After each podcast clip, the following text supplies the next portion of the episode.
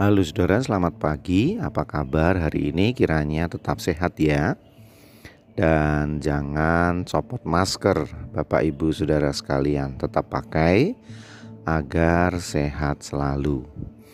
Ya, eh, beberapa hari ini kita mendengar kabar yang menyesakkan, yang menyedihkan dari saudara-saudara kita yang ada di NTT, NTB, karena terjadi banjir bandang, banjir lahar dingin, bahkan dihantam dari dua arah.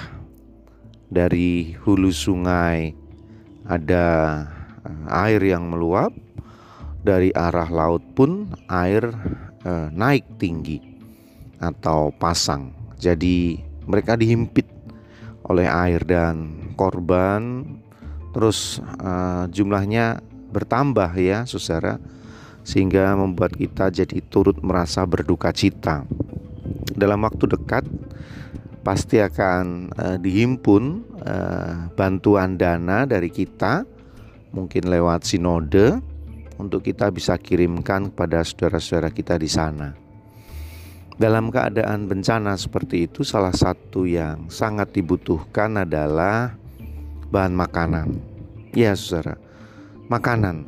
Ya kehabisan bahan makanan ini tentu sangat uh, merepotkan kita. Uh, kadang kita kuat sih nggak makan beberapa uh, jam atau bahkan menurut teori kita lebih tidak kuat minum daripada tidak kuat makan. Karena uh, tidak makan sama sekali mungkin orang bisa bertahan antara dua sampai tiga hari bahkan empat hari. Tapi tidak minum itu kita nggak bisa lewat dari 24 jam begitu katanya. Jadi memang uh, betul bahwa minum lebih diperlukan tapi tanpa makanan pun kalau kita nggak siapkan atau diniatkan dalam arti kata puasa ya tentu itu sebuah beban tersendiri. Karena kita tahu bahwa dalam pelayanan Tuhan Yesus pun menyediakan makanan atau makan bersama itu menjadi sesuatu yang uh, penting bagi kehidupan ini. Doa Bapa kami pun di dalamnya ada tertulis tentang berilah kami makanan pada hari ini. Berarti makanan menjadi bagian yang Tuhan perhatikan. Uh, Tuhan juga mengatakan mintalah tentang makanan itu tapi juga jangan khawatir dengan makanan itu. Ya, Tuhan menyediakannya uh, seperti burung pipit, bunga bakung ya, itu semua uh, disediakan oleh Tuhan agar tidak khawatir. Begitu juga dengan apa yang bisa kita makan hari ini. Tidak perlu dikhawatirkan karena Tuhan pun menyediakannya.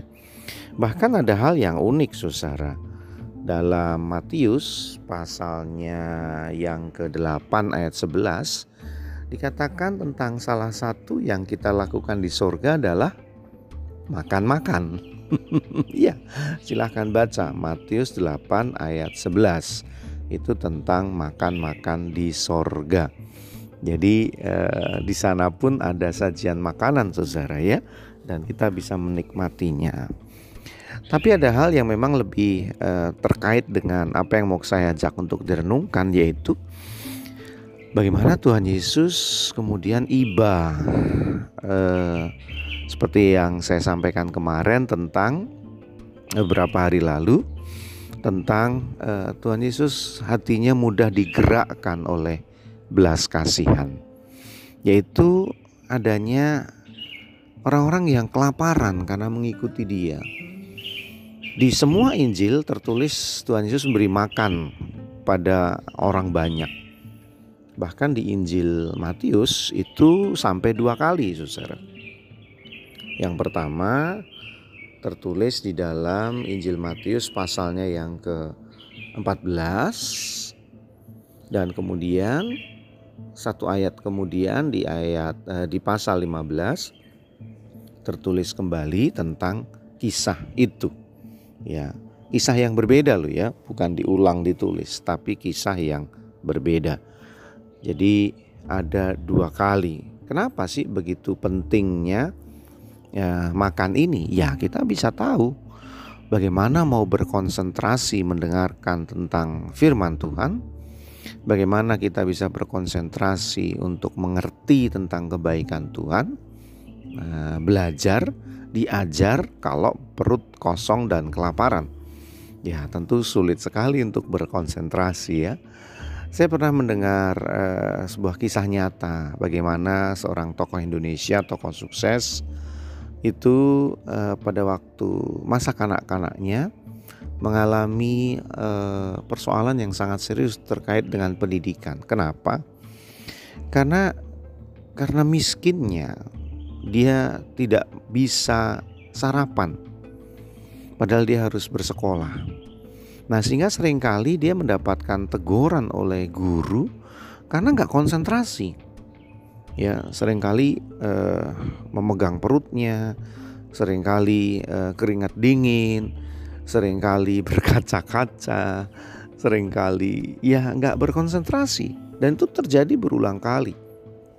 Sampai akhirnya sang guru bertanya ada apa sih kamu uh, seperti itu?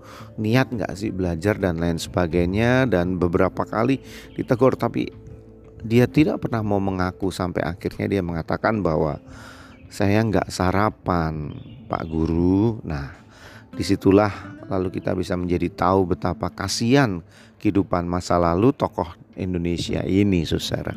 Nah jadi eh, korban bencana yang ada di NTT Mari kita bantu khususnya menyediakan makan mereka. Segera kita akan persiapkan untuk dikirimkan kepada mereka sehingga ketika mereka sudah bersusah hati direpotkan dengan bencana ini jangan lagi direpotkan dengan mengisi perut mereka. Kita kurangi penderitaan mereka. Uh, seharusnya kita digerakkan oleh belas kasihan uh, karena mereka dan kita akan bantu semampu dan sebisa kita. Uh, prinsipnya tidak berubah sedikit-sedikit lama-lama menjadi bukit ya jangan khawatir dengan apa yang saudara akan berikan sesedikit apa pun mari digabungkan sedikit dari saya sedikit dari saudara sedikit dari kita maka itu akan menjadi berkat besar bagi saudara-saudara kita yang ada di NTT, NTB dan sekitarnya. Seperti yang Tuhan Yesus katakan pada murid-muridnya ketika mereka memberitahu bahwa orang-orang ini kelaparan. Tolong Tuhan, tolong guru suruh mereka pergi cari makan. Dan Tuhan mengatakan, mereka tidak perlu pergi, kamu yang menyediakan makan. Masih bersama dengan saya, Pendeta Yudi dalam renungan emas. Esok masih esok masih ada solusi.